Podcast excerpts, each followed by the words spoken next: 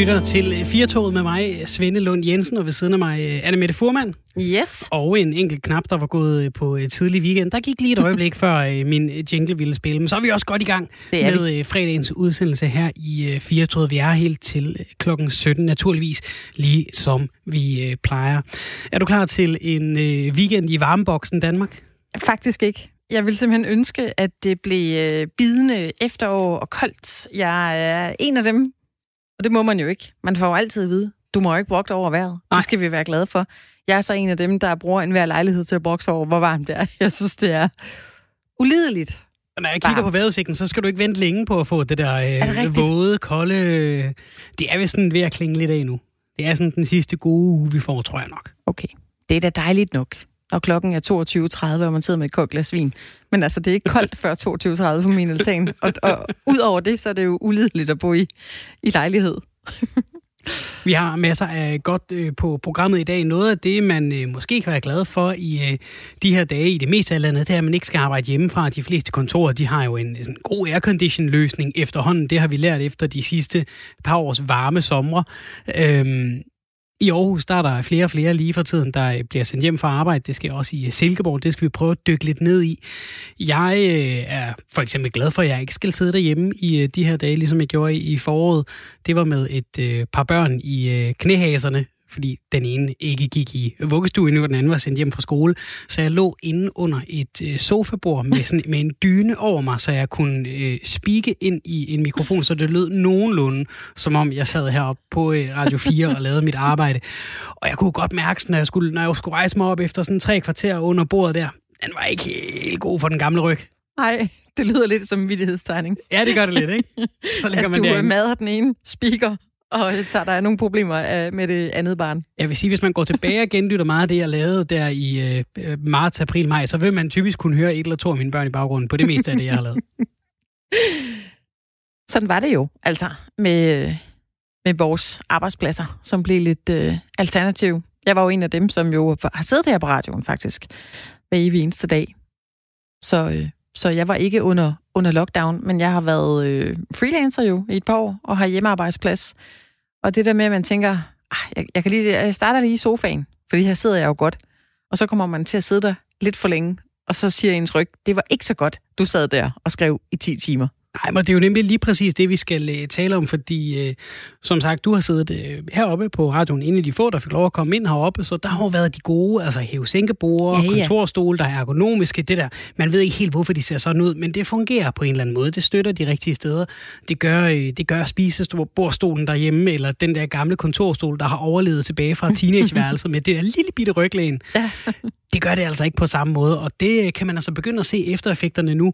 Nu er det på en dag, hvor vi øh, taler om øh, en øh, historisk øh, hurtig recession og fald i BNP osv., så, videre, så er det måske lige i den lave inden for nyhedstærskelværdien, at folk bøvler lidt med linden. Men det betyder trods alt noget, og, og det er jo ikke finder vi ud af hurtigere og hurtigere nu i, i de her tider. Det er jo ikke ligegyldigt, hvordan man behandler sin krop i de unge år. Det kan man mærke, når man bliver ældre. Og det kan vi altså begynde at se eftereffekterne af nu. Altså, hvordan det har været for os at arbejde hjemme. Det er altså ret vildt. Ja, det er faktisk ret vildt, og jeg tror, at øh, mange af dem, som har siddet derhjemme, ikke, man, man tænker jo ikke over det.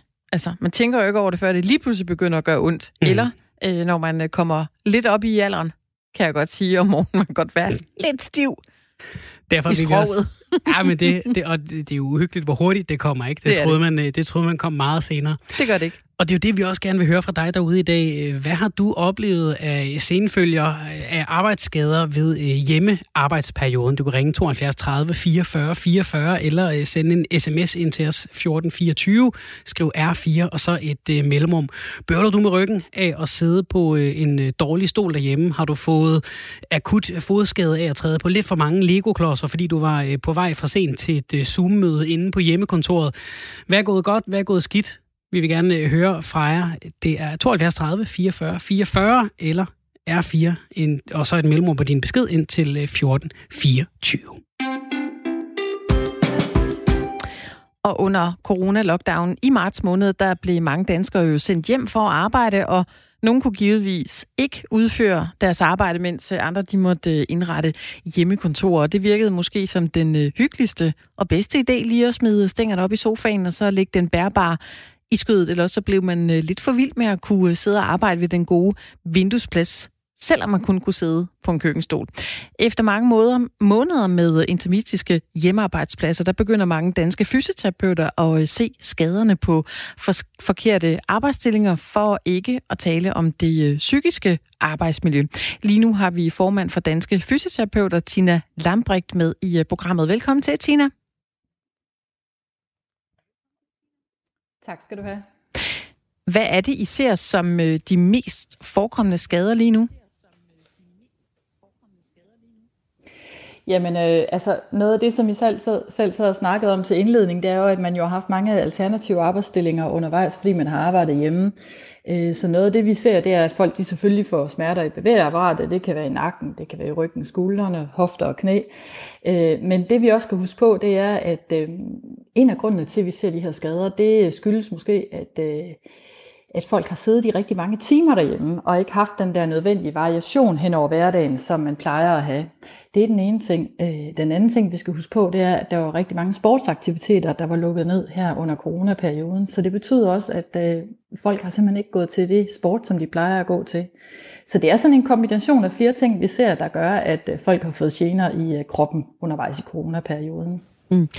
Der er jo indtil flere arbejdspladser, hvor man øh, fandt ud af, at effektiviteten faktisk steg ved, at folk arbejdede hjemme, og derfor er der nogle arbejdspladser, som øh, nu har indført tvungne hjemmearbejdsdage. Hvor ser du en udfordring her?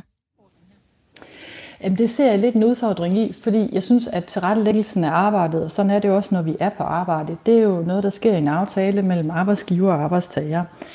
Så uagtet, at øh, man kan se en fordel ved, at folk arbejder hjemme, men det skulle gerne være en fordel, som både altså arbejdsgiveren og arbejdstageren kan se, så synes jeg, det skal ske under nogle aftalevilkår. Øh, fordi hvis man bare øh, indfører tvungne hjemmearbejdsdage, og arbejdstageren ikke har interesse i det, altså så er jeg øh, lidt i tvivl om, hvor godt et arbejdsmiljø man får ud af det. Og hvad er det, man skal være opmærksom på, når man har en hjemmearbejdsplads? Fordi det er jo også situationen lige nu for, øh, for folk omkring boende i Aarhus? Det er det nemlig. Jeg synes, man skal være opmærksom på flere ting. Altså for det første, så synes jeg, man skal have indrettet sig med en rimelig ordentlig kontorplads, hvis man skal arbejde hjemme i længere tid, og det er noget, man fortsætter med at skal gøre. Og grunden til, at det måske er vigtigt at have indrettet en kontorplads, det er også fordi, det faktisk er vigtigt at separere det der arbejdstid og det der fritid. Fordi hvis man bare sidder og hænger inde i sofaen eller ude ved spisebordet, så risikerer man jo netop, at arbejdstiden og, og fritiden den render ind i hinanden, og måske endda også, at man arbejder meget mere, end man normalt vil gøre.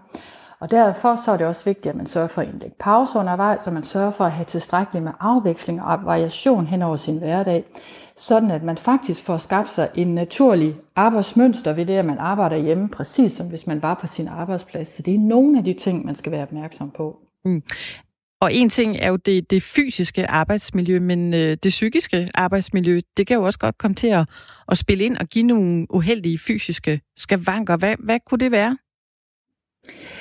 Altså jeg tænker nemlig, det er rigtig fint at være både opmærksom på det fysiske arbejdsmiljø og det psykiske arbejdsmiljø. Jeg er ingen tvivl om, at øh, da coronaperioden ramte os, og der var nogen, der fik lov til at arbejde hjemme, der er også nogen, der har nyt at være hjemme, og synes, det var rart, at de var det mere hjemme. Og jeg synes, at de fordele og de erfaringer, man har gjort sig ud af at arbejde hjemme, dem synes jeg, vi skal lære af. Men vi skal også være opmærksom på i forhold til det psykiske arbejdsmiljø, at når man er hjemme og arbejder, så sidder man jo alene. Du har ikke dine arbejdskolleger omkring dig. Du har ikke lige nogen at tale med. Og den variation, vi skaber øh, hen over arbejdsdagen, altså for eksempel man går ud til kaffeautomaten og tager en kop kaffe, eller man går ned på øh, øh, første sal, hvis man sidder øh, på anden sal og skal have et møde internt med en kollega, det får man heller ikke. Så noget af den der øh, sociale interaktion, vi har med vores kolleger, den forsvinder, når vi sidder derhjemme. Og der er man altså nødt til at prøve at have nogle aftaler med sin arbejdsgiver om, hvis man skal sidde hjemme, hvad er det for nogle forhold, man sidder under, og hvordan er det, vi stadigvæk tager hånd omkring det, øh, hvad hedder det, den sociale relation, vi har til vores kolleger, så det ikke går ud over vores psykiske arbejdsmiljø. Mm. Og de her, øh, den etablering af hjemmearbejdspladser, det kan jo også godt komme til at øh, kulminere med øh, arbejdsmiljøloven. Er det her noget, du som formand for Danske Fysioterapeuter har gjort opmærksom på? Jeg synes, det er noget, som øh, vi i de faglige organisationer skal være opmærksom på sammen med øh, arbejdsgiverne. For der er ingen tvivl om, at kigger vi sådan på arbejdsmiljøloven, så er den jo skrevet ind i en kontekst og en forståelsesramme, øh, primært som handler om, at arbejdet det foregår på arbejdspladsen. Så jeg tænker, at øh, det kunne nok være en god idé, at øh, sådan arbejdsmarkedets parter kigger ned i arbejdsmiljølovgivningen, og så ser jeg, at hvis fremtiden er, at vi skal arbejde mere hjemme, så synes jeg, at øh, arbejdsmiljølovgivningen skal være med til at understøtte, at der er en transparens, så man kan have nogle klare aftaler imellem arbejdsgiver og arbejdstager om, hvordan det skal foregå. Også i forhold til det her sikkerhedsperspektiv, vi skal have omkring øh, den person, som skal sidde og arbejde derhjemme. Som det ser ud nu, hvor, hvor, hvordan er man så stillet, hvis man igen bliver pålagt at arbejde hjemme? Altså, hvad, hvad kan, skal kræve man, kan man kræve af sin, sin arbejdsgiver i forhold til det fysiske arbejdsmiljø? Jamen, altså, der, der er nogle retningslinjer i arbejdsmiljølovgivningen, som det ser ud nu, og de går rigtig meget på de der fysiske rammer, øh, og det er jo for så vidt rigtig godt. Men spørgsmålet er, øh, hvordan at de forskellige arbejdsgivere ønsker at forvalte muligheden for at arbejde hjemme. Øh, fordi man kan sige, der hvor man indgår frivillige aftaler om at, at arbejde hjemme, så er det jo rigtig godt. Men vi skal have noget mere gennemsigtighed og noget mere klarhed over, hvordan det er, man kan lave, lave aftaler omkring det her hjemmearbejde. Og også hvad det er for en sikkerhed, som øh, altså arbejdstageren skal have ret til i forhold til en fremtid, hvor vi kommer til at arbejde mere hjemme. Når jeg øh, nu øh, skal øh, tænke tilbage på min egen arbejde hjemmetid, så, så, kan jeg så begyndte jeg at få sådan nogle mails med lav yoga derhjemme, og som ligesom kom, kom fra, fra virksomheden.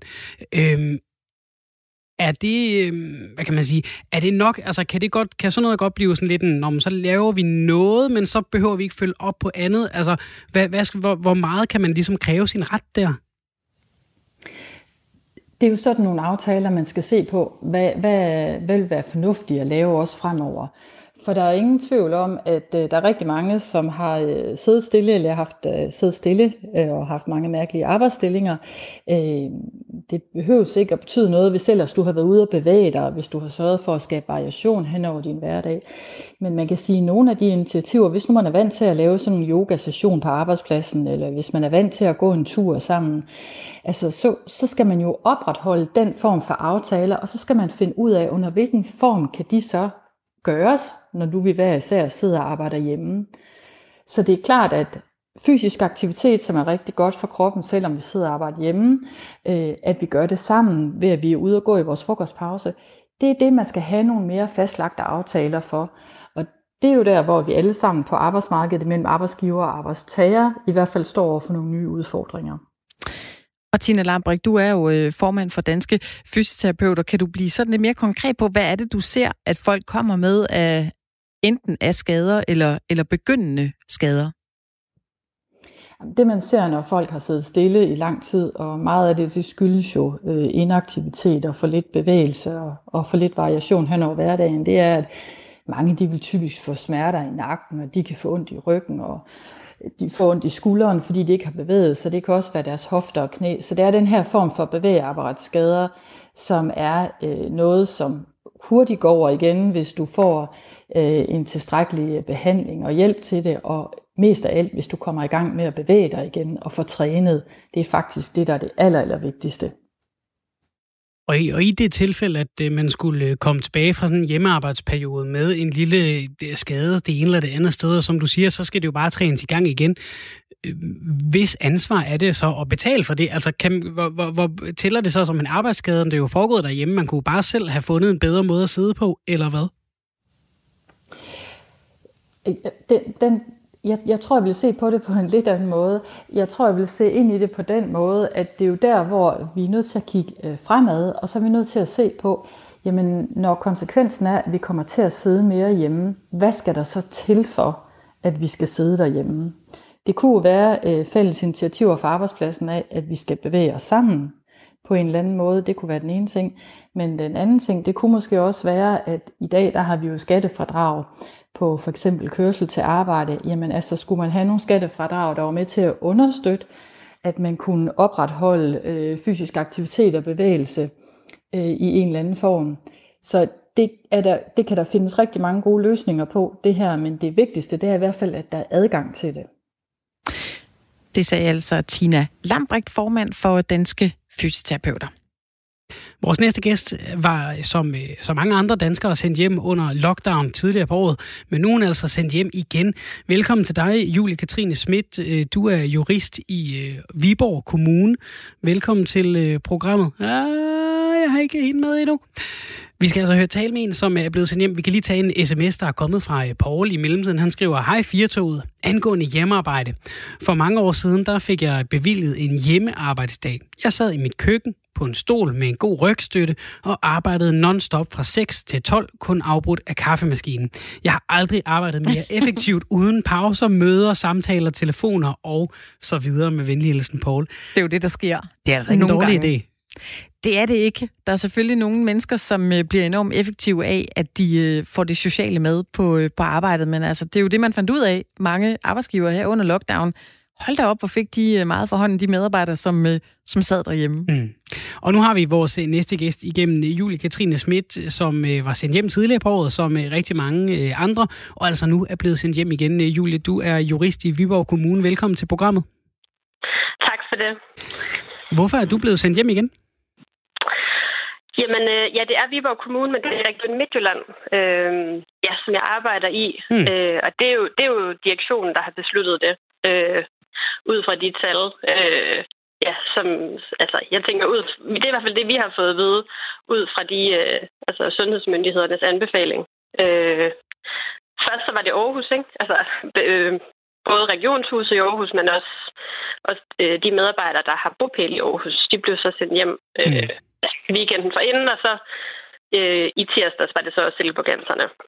Og det er også fordi, du øh, bor i øh, Silkeborg og arbejder i, ja, øh, i Viborg. Ja. Ved, du, ved du, hvor lang tid du skal arbejde hjemmefra? Øh, en periode på 14 dage indtil videre fra, fra i tirsdags, har vi fået at vide. Ja. Okay.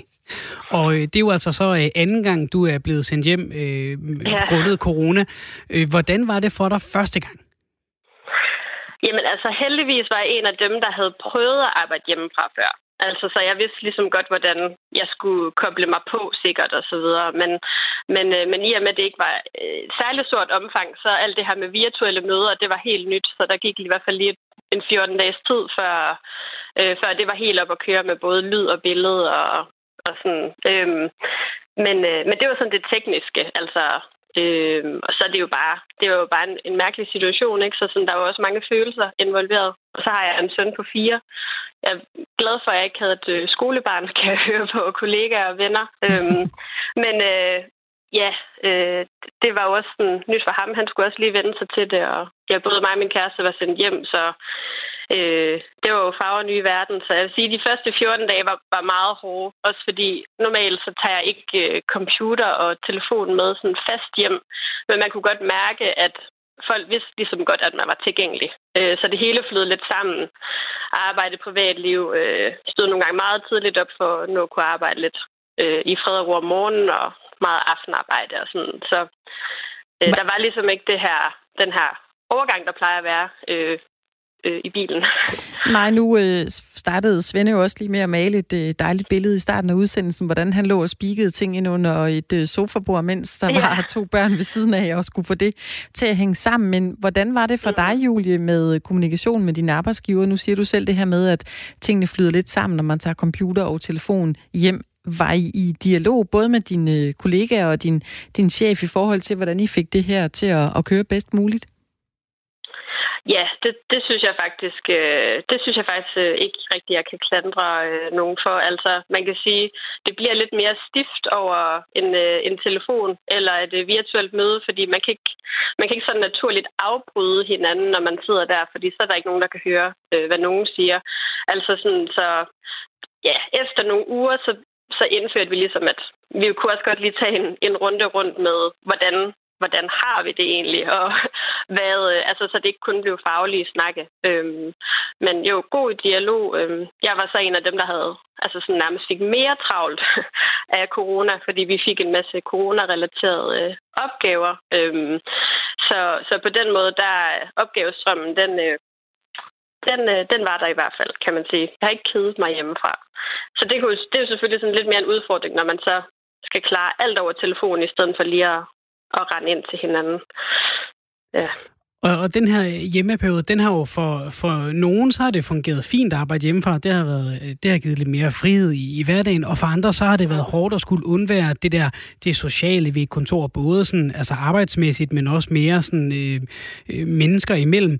Så nåede I lige mm. tilbage på arbejde her efter sommerferien, og så blev I sendt hjem ja. igen. Hvordan har det været for dig og dine kolleger?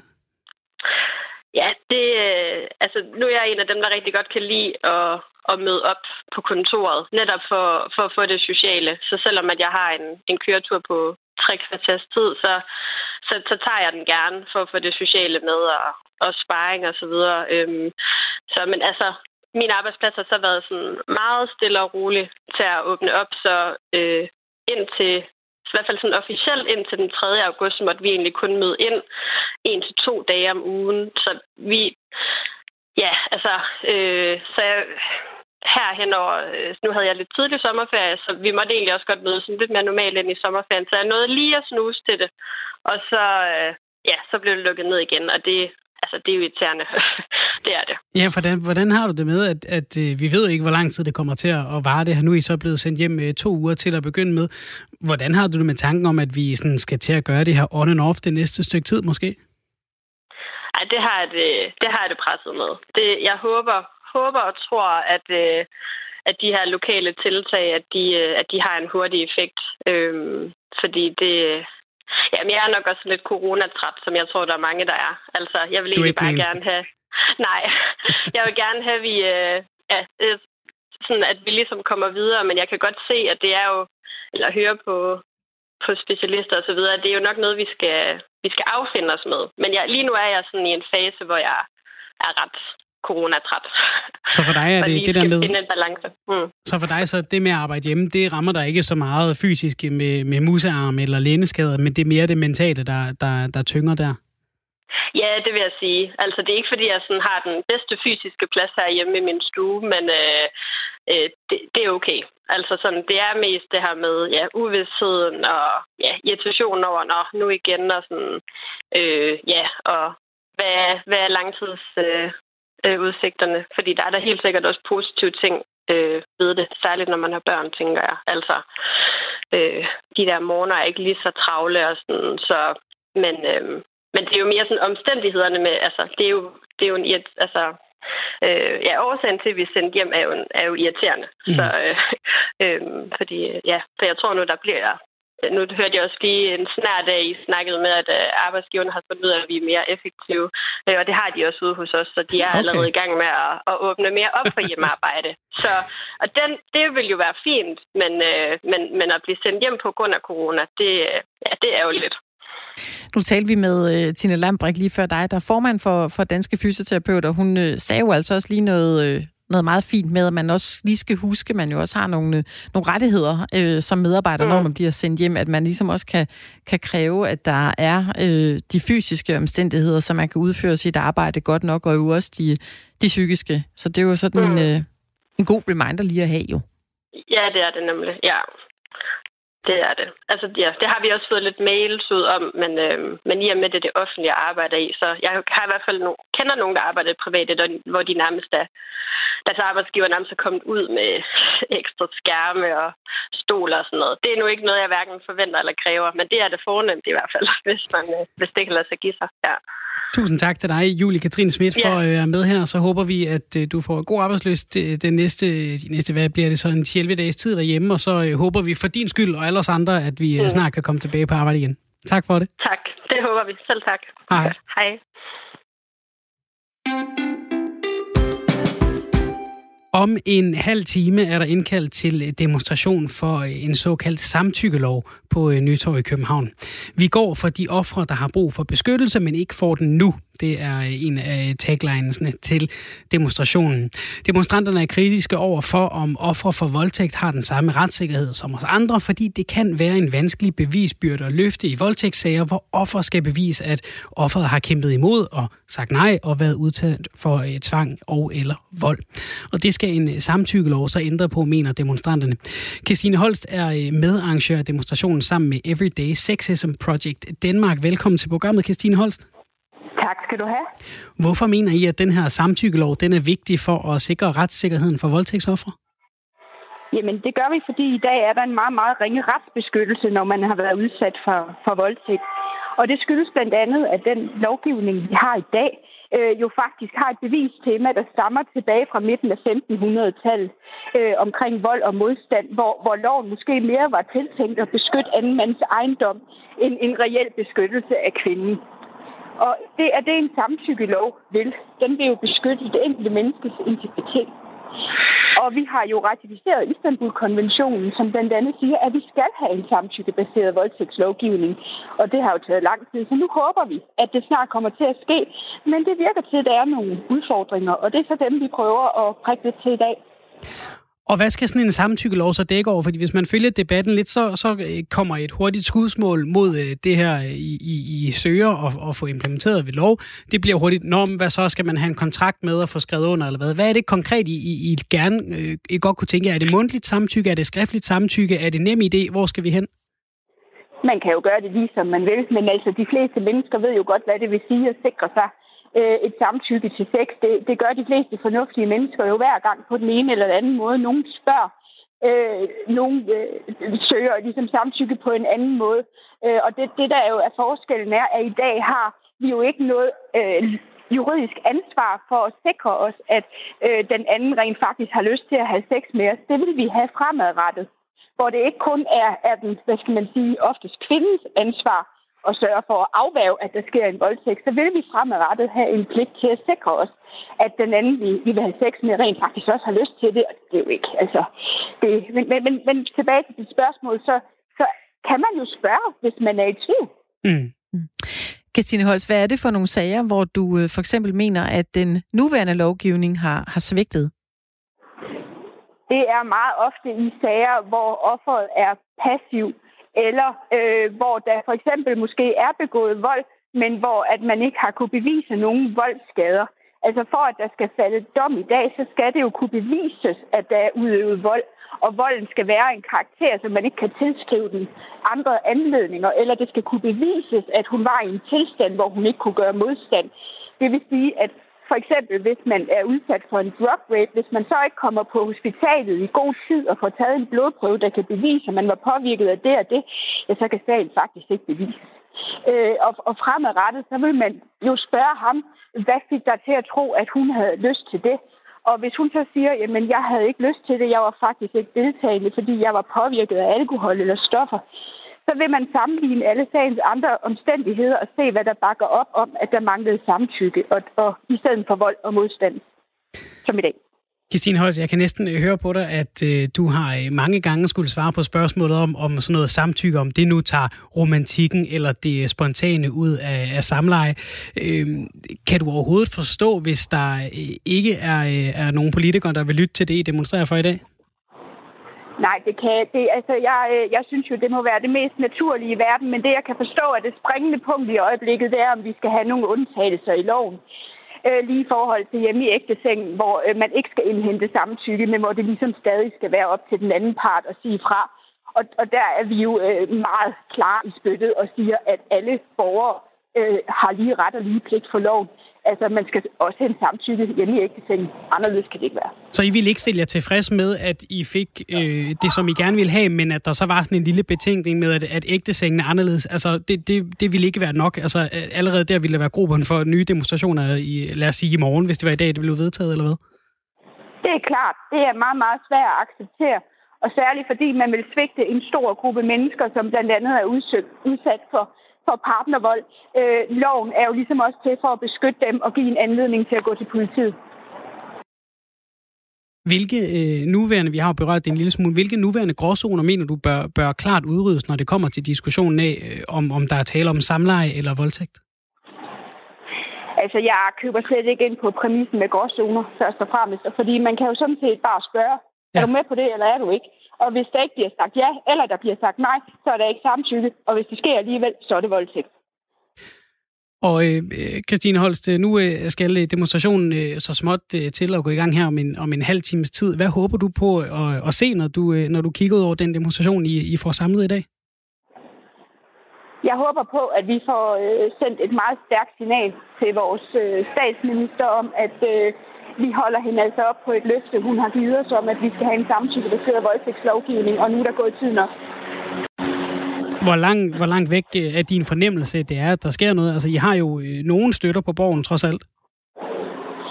Jamen, jeg så jo helst, at der kom et lovforslag i morgen. Og øh, jeg, mit indtryk er da, at man er i forhandlinger, men også at justitsministeren angiveligt har måttet tage sig en tænkepause, og det kan jeg overhovedet ikke forstå, at man, kan tage, man overhovedet kan få sig selv til.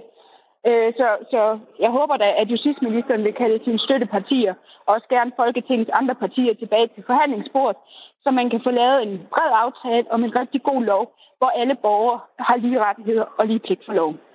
Kan jeg lokke dig til, Christine Holst, øh, inden øh, du skal gå øh, ned til, til demonstrationen her? Kan du prøve bare så at skære det helt ud i pap for os? Fordi når, når jeg følger den her diskussion på, på, på nettet, så synes jeg tit, den bliver meget hurtigt meget polariseret. Og, og, og, og, og som jeg forstår essensen af dit argument, så burde det være noget, vi alle sammen ret hurtigt kan blive enige om. Altså, øh, hej, jeg vil gerne dyrke sex med dig. Nå, det vil du ikke. Fair nok, så lader vi være med det. Kan du prøve at skære det ud i pap, sådan så at, at, at, at alle forhåbentlig kan forstå, nå ja, men det kan jeg da egentlig godt forstå, deres argument. Det, det synes jeg også, vi burde have. Øh, altså, i forhold, at, tænker du på, hvordan, hvordan man kan sikre sig et samtykke på? Jamen, bare i, i forhold til, hvorfor, at en sam, hvorfor emnet øh, samtykkelovgivning ikke burde være kontroversielt, altså ikke burde være til debat? Det, det er den jo ikke, fordi sådan du har ejendomsret over din egen computer, så har du også ejendomsret, ejendomsret over din egen krop. Og vi har en samtykkebaseret lov om berigelseskriminalitet, så kan vi sørge også have en samtykkebaseret voldtægtslovgivning. Tusind tak, Christine Holst, som altså er en af initiativtagerne til den her øh, demonstration sammen med Everyday Sexism Project Danmark, der altså øh, går på øh, gaden i dag i København ved Nytorv for at demonstrere for en samtykkelovgivning. Tak for, at du var med her, Christine Holst. Tak skal du have. God dag.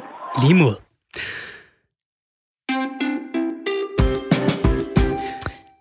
Det er lidt vigtigt. Det, det synes er jeg, vigtigt.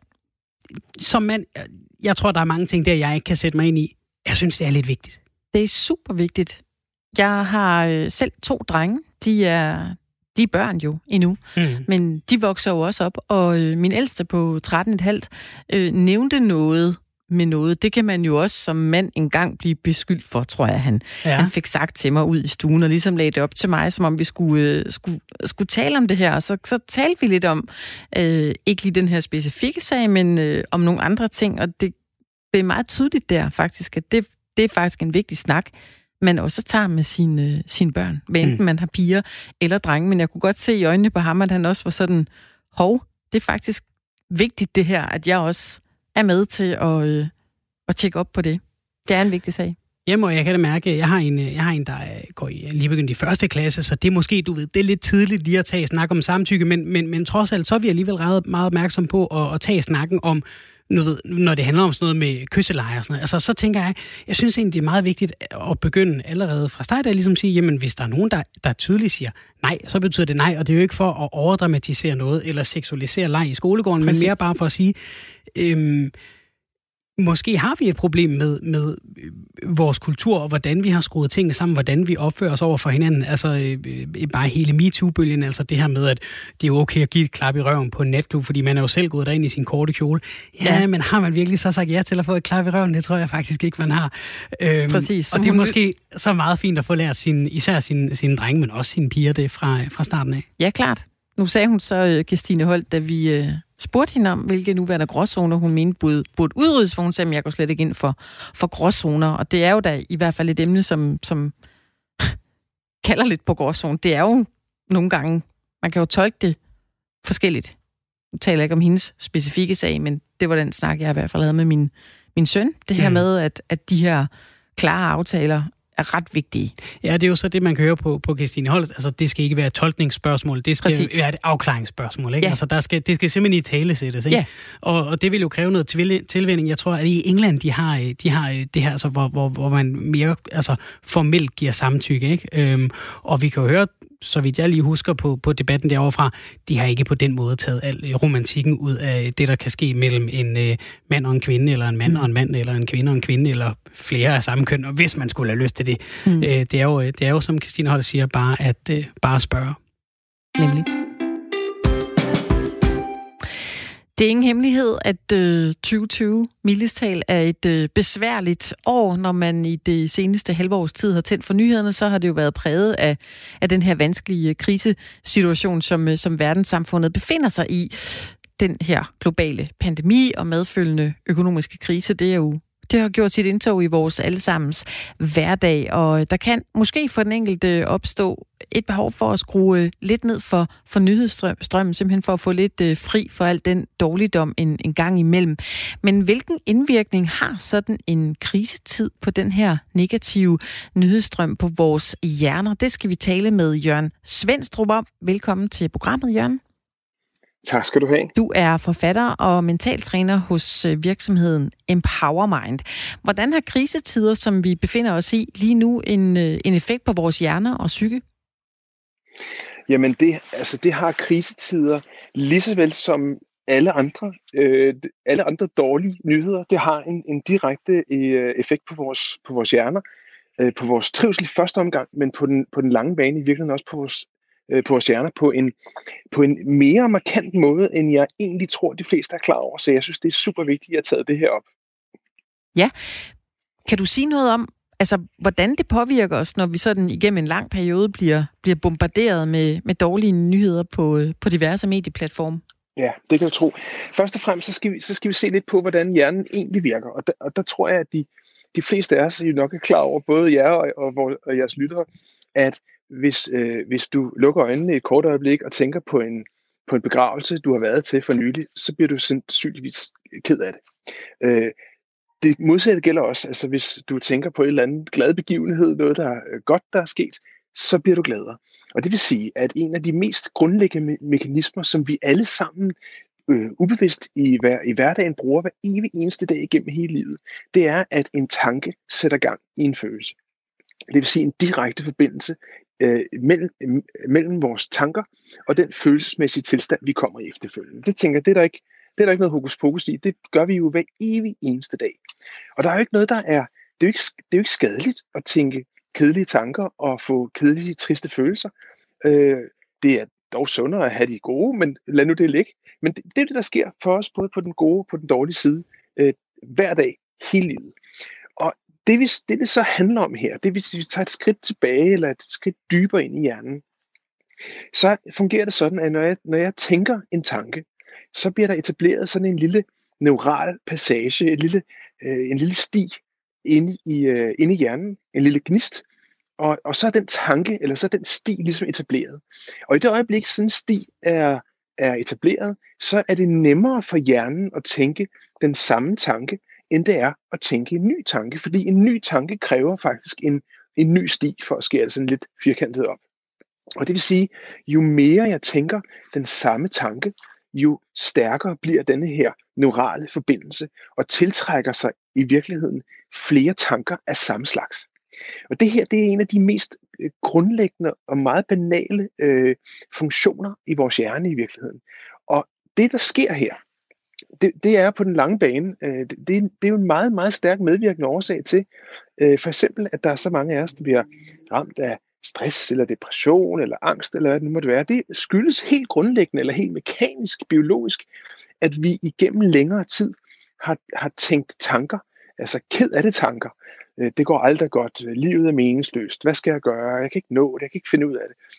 Og jo flere gange jeg tænker den type tanker, jo stærkere bliver det her net af neurale forbindelser, som, hvor det virkelig går en eller anden form for rundhyl i det, så jeg, i virkeligheden det tiltrækker mere af den samme øh, tanke, de samme tankeprocesser.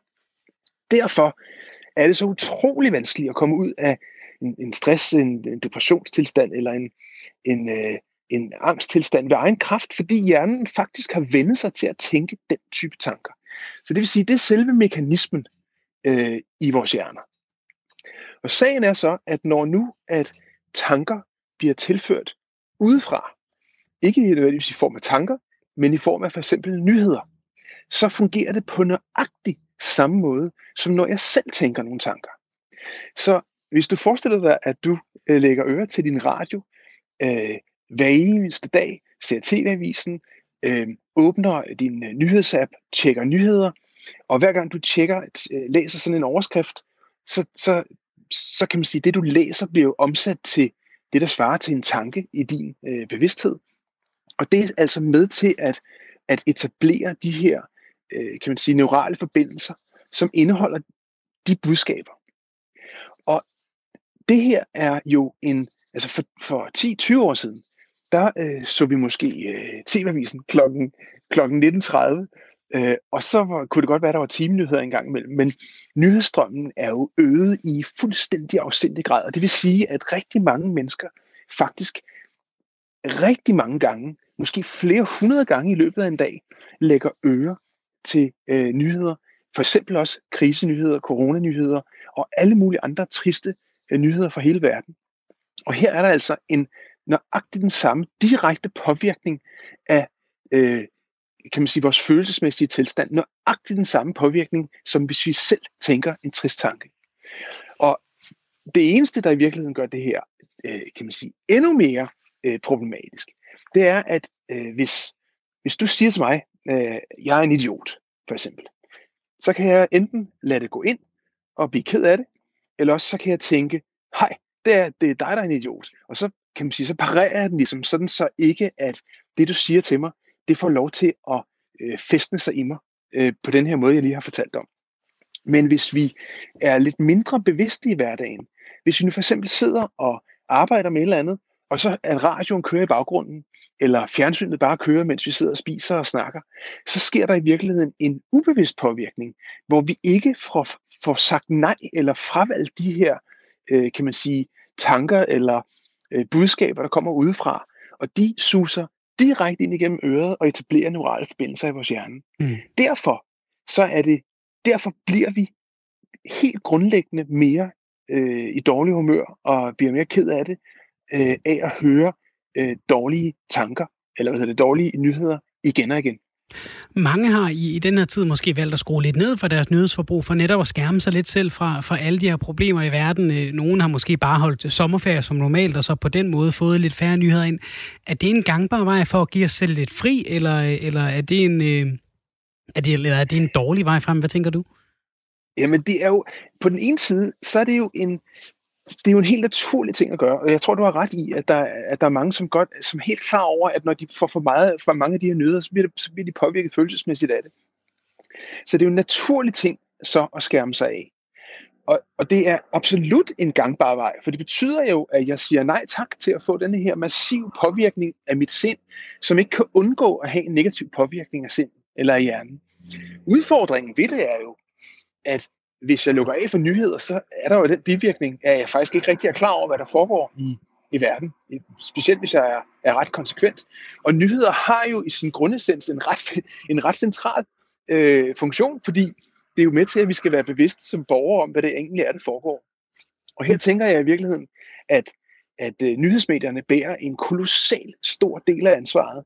Fordi hvis det er, at nyheder, øh, medierne gerne bevarer den her position øh, for at bevidstgøre og skabe, formidle viden til mennesker, mm. så tænker jeg faktisk, det er ret afgørende at balancere nyhederne på en måde, sådan så folk ikke bliver tvunget til at et, enten fravælge nyhederne, eller to, øh, få det dårligere.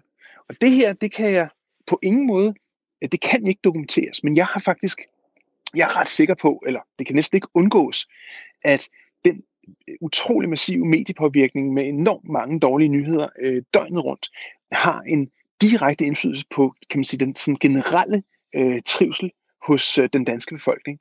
Og hvis vi ser på, hvor mange mennesker, der egentlig lider af øh, stress, depression og angst i løbet af et år i Danmark, så det, og det er der selvfølgelig mange gode grunde til, men der, altså, det, det er utænkeligt, at ikke den konstante nyhedsstrøm øh, medvirker til at gøre mennesker mere ked af det. Men har du så nogle, øh, nogle tricks til, hvordan man kan sætte sin hjerne lidt på pause en gang imellem i, i de her krisetider, som vi jo stadig er i, sådan det ikke kommer til at fylde hele ens dagligdag, men øh, hvor man stadig kan, kan holde sig informeret om situationen? Ja, og der er jo grundlæggende, øh, der er jo grundlæggende to strategier, hvor det der med at slukke for nyhederne er den, er den nemmeste, og jeg gør det selv. Altså jeg har, jeg øh, sparer virkelig på, hvor mange nyheder jeg hører, selvom jeg godt kan lide at være informeret om, hvad der, hvad der foregår, så tænker jeg, at det alligevel er, altså mit mentale helbred er faktisk vigtigere, end at jeg er informeret om alt, hvad der sker. Og dybest set, så, øh, så tænker jeg, at de fleste mennesker øh, vil kunne læse en avis eller se en nyhedsoversigt en gang om dagen, og faktisk være tilstrækkeligt opdateret til helt grundlæggende at følge med. Det vil sige, at resten er dybest set fuldstændig overflødigt, og i virkeligheden styret af vores behov for øh, endorfiner. Hvad må der lige? Er der nu sket noget nyt? Det er en helt anden, kan man sige, øh, mekanisme i vores hjerner, der gør, at vi bliver afhængige af nyhedsstrømmen, ligesom vi kan blive afhængige af kokain og cigaretter og sprut og alt muligt andet.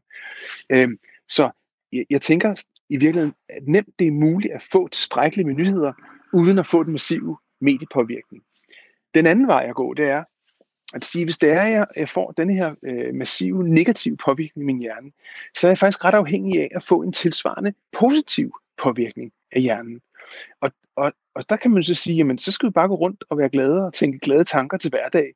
Og det er ikke et særligt godt råd, fordi hvis vi kunne gøre det, så gjorde vi det jo bare.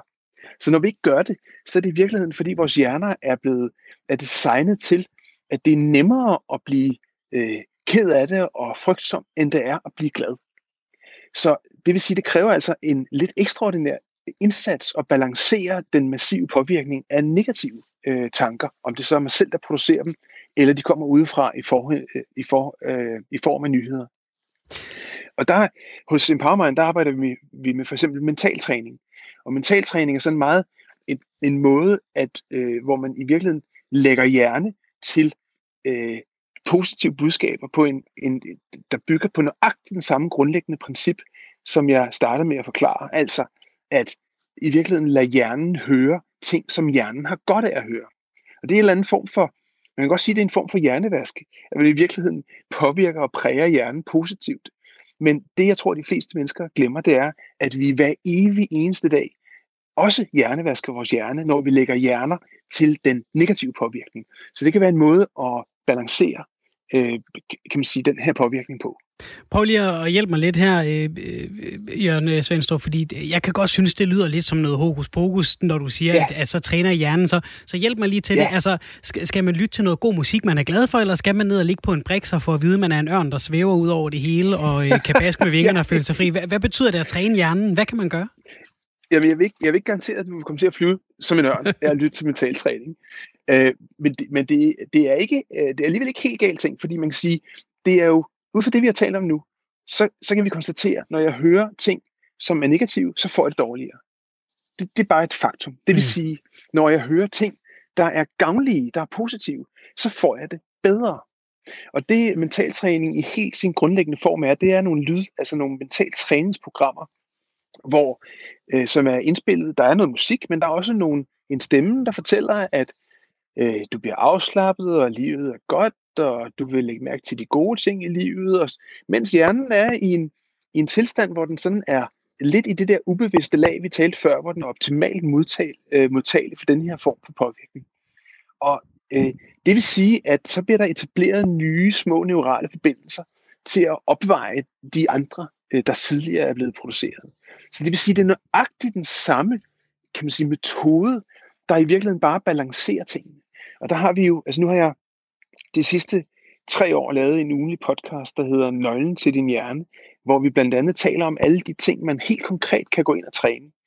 Og, øh, og, og der er i, altså, der, jeg har endda skrevet en videnskabelig artikel om det, som udkom her for nogle år siden omkring, hvad mentaltræning kan for at øge graden af trivsel og reducere stress osv.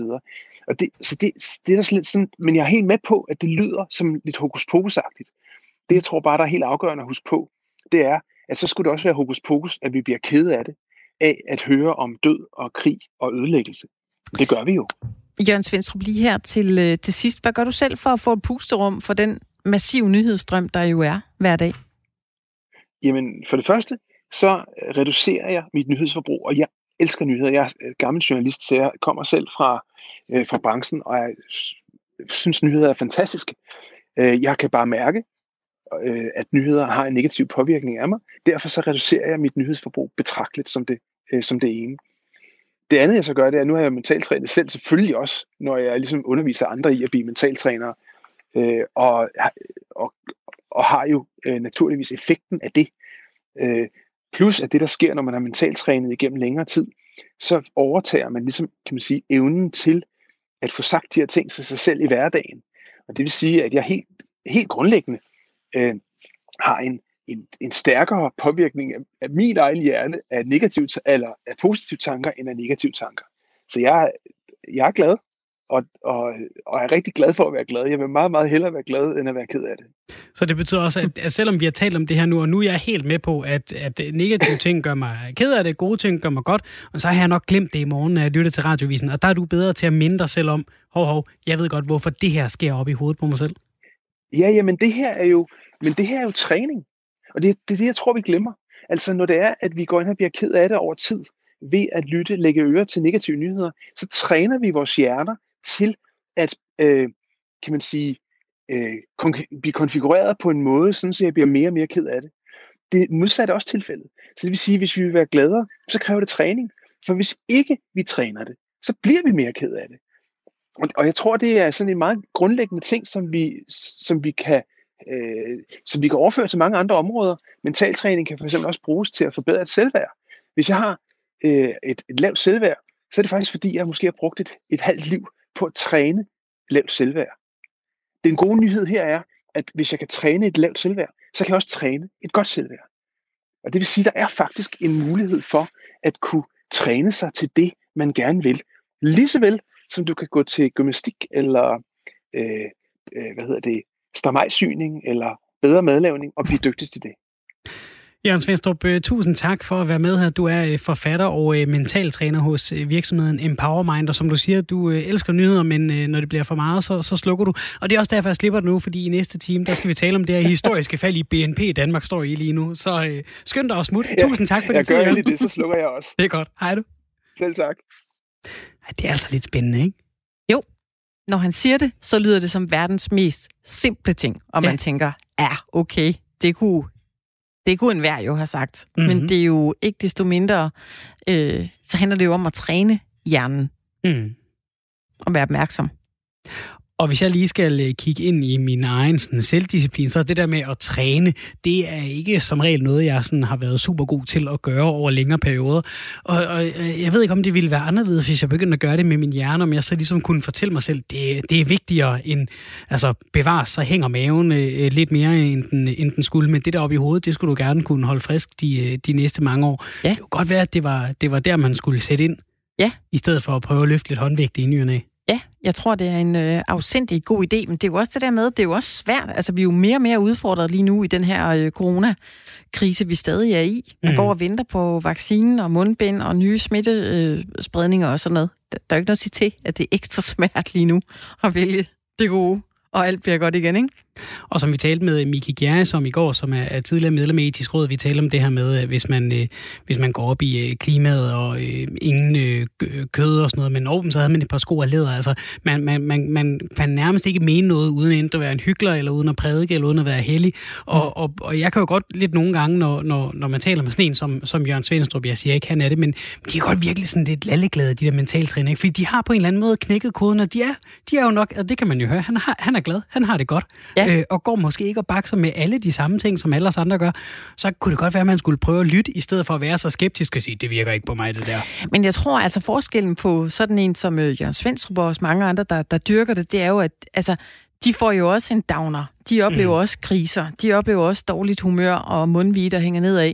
Jeg tror, at forskellen er bare, at de hurtigere kommer igennem, der ved, mm. okay, det er det her, der sker nu, så gør jeg det her. Ja. Hvor vi andre jo virkelig dyrker det ah, så tager vi lige en side mere, og en ja. side mere, og klikker lige på en anden nyhed, og en anden, og en tredje, og en fjerde. Ja. Og så kan vi rigtig sovse rundt i det her med, hvor dårligt det er. Ja. Åh, oh, jeg, blev, jeg blev vel sidst til fire med rundbold. Det er et halvt år på sofaen, ja. der. Der er de måske lidt hurtigere til at hive sig selv op i, i nakkeskinnet. Du lytter til uh, Firtoget på uh, Radio 4. Vi er så småt færdige med den første time af dagens program, men det gør ikke noget. Vi har endnu en, der også er værd at lytte til. Det kommer efter et kort nyhedsoverblik. Vi skal blandt andet tale om det her BNP. Altså, hvad er det egentlig for noget? Hvorfor, hvorfor skal vi tage os af det? Hvad betyder det rent faktisk? Det er sådan en af de der nyheder, der rammer en gang imellem. Og så, åh, BNP, historisk recession. Huh, det lyder ikke godt.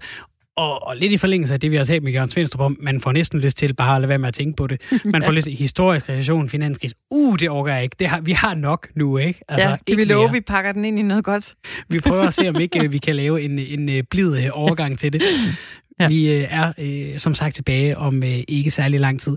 Husk, at øh, du altid skal ringe ind 72 30 44 44 eller skrive en øh, sms. Det kan du gøre på 1424. Du skriver R4, så et mellemrum og så din besked. Her får du et nyhedsoverblik klokken er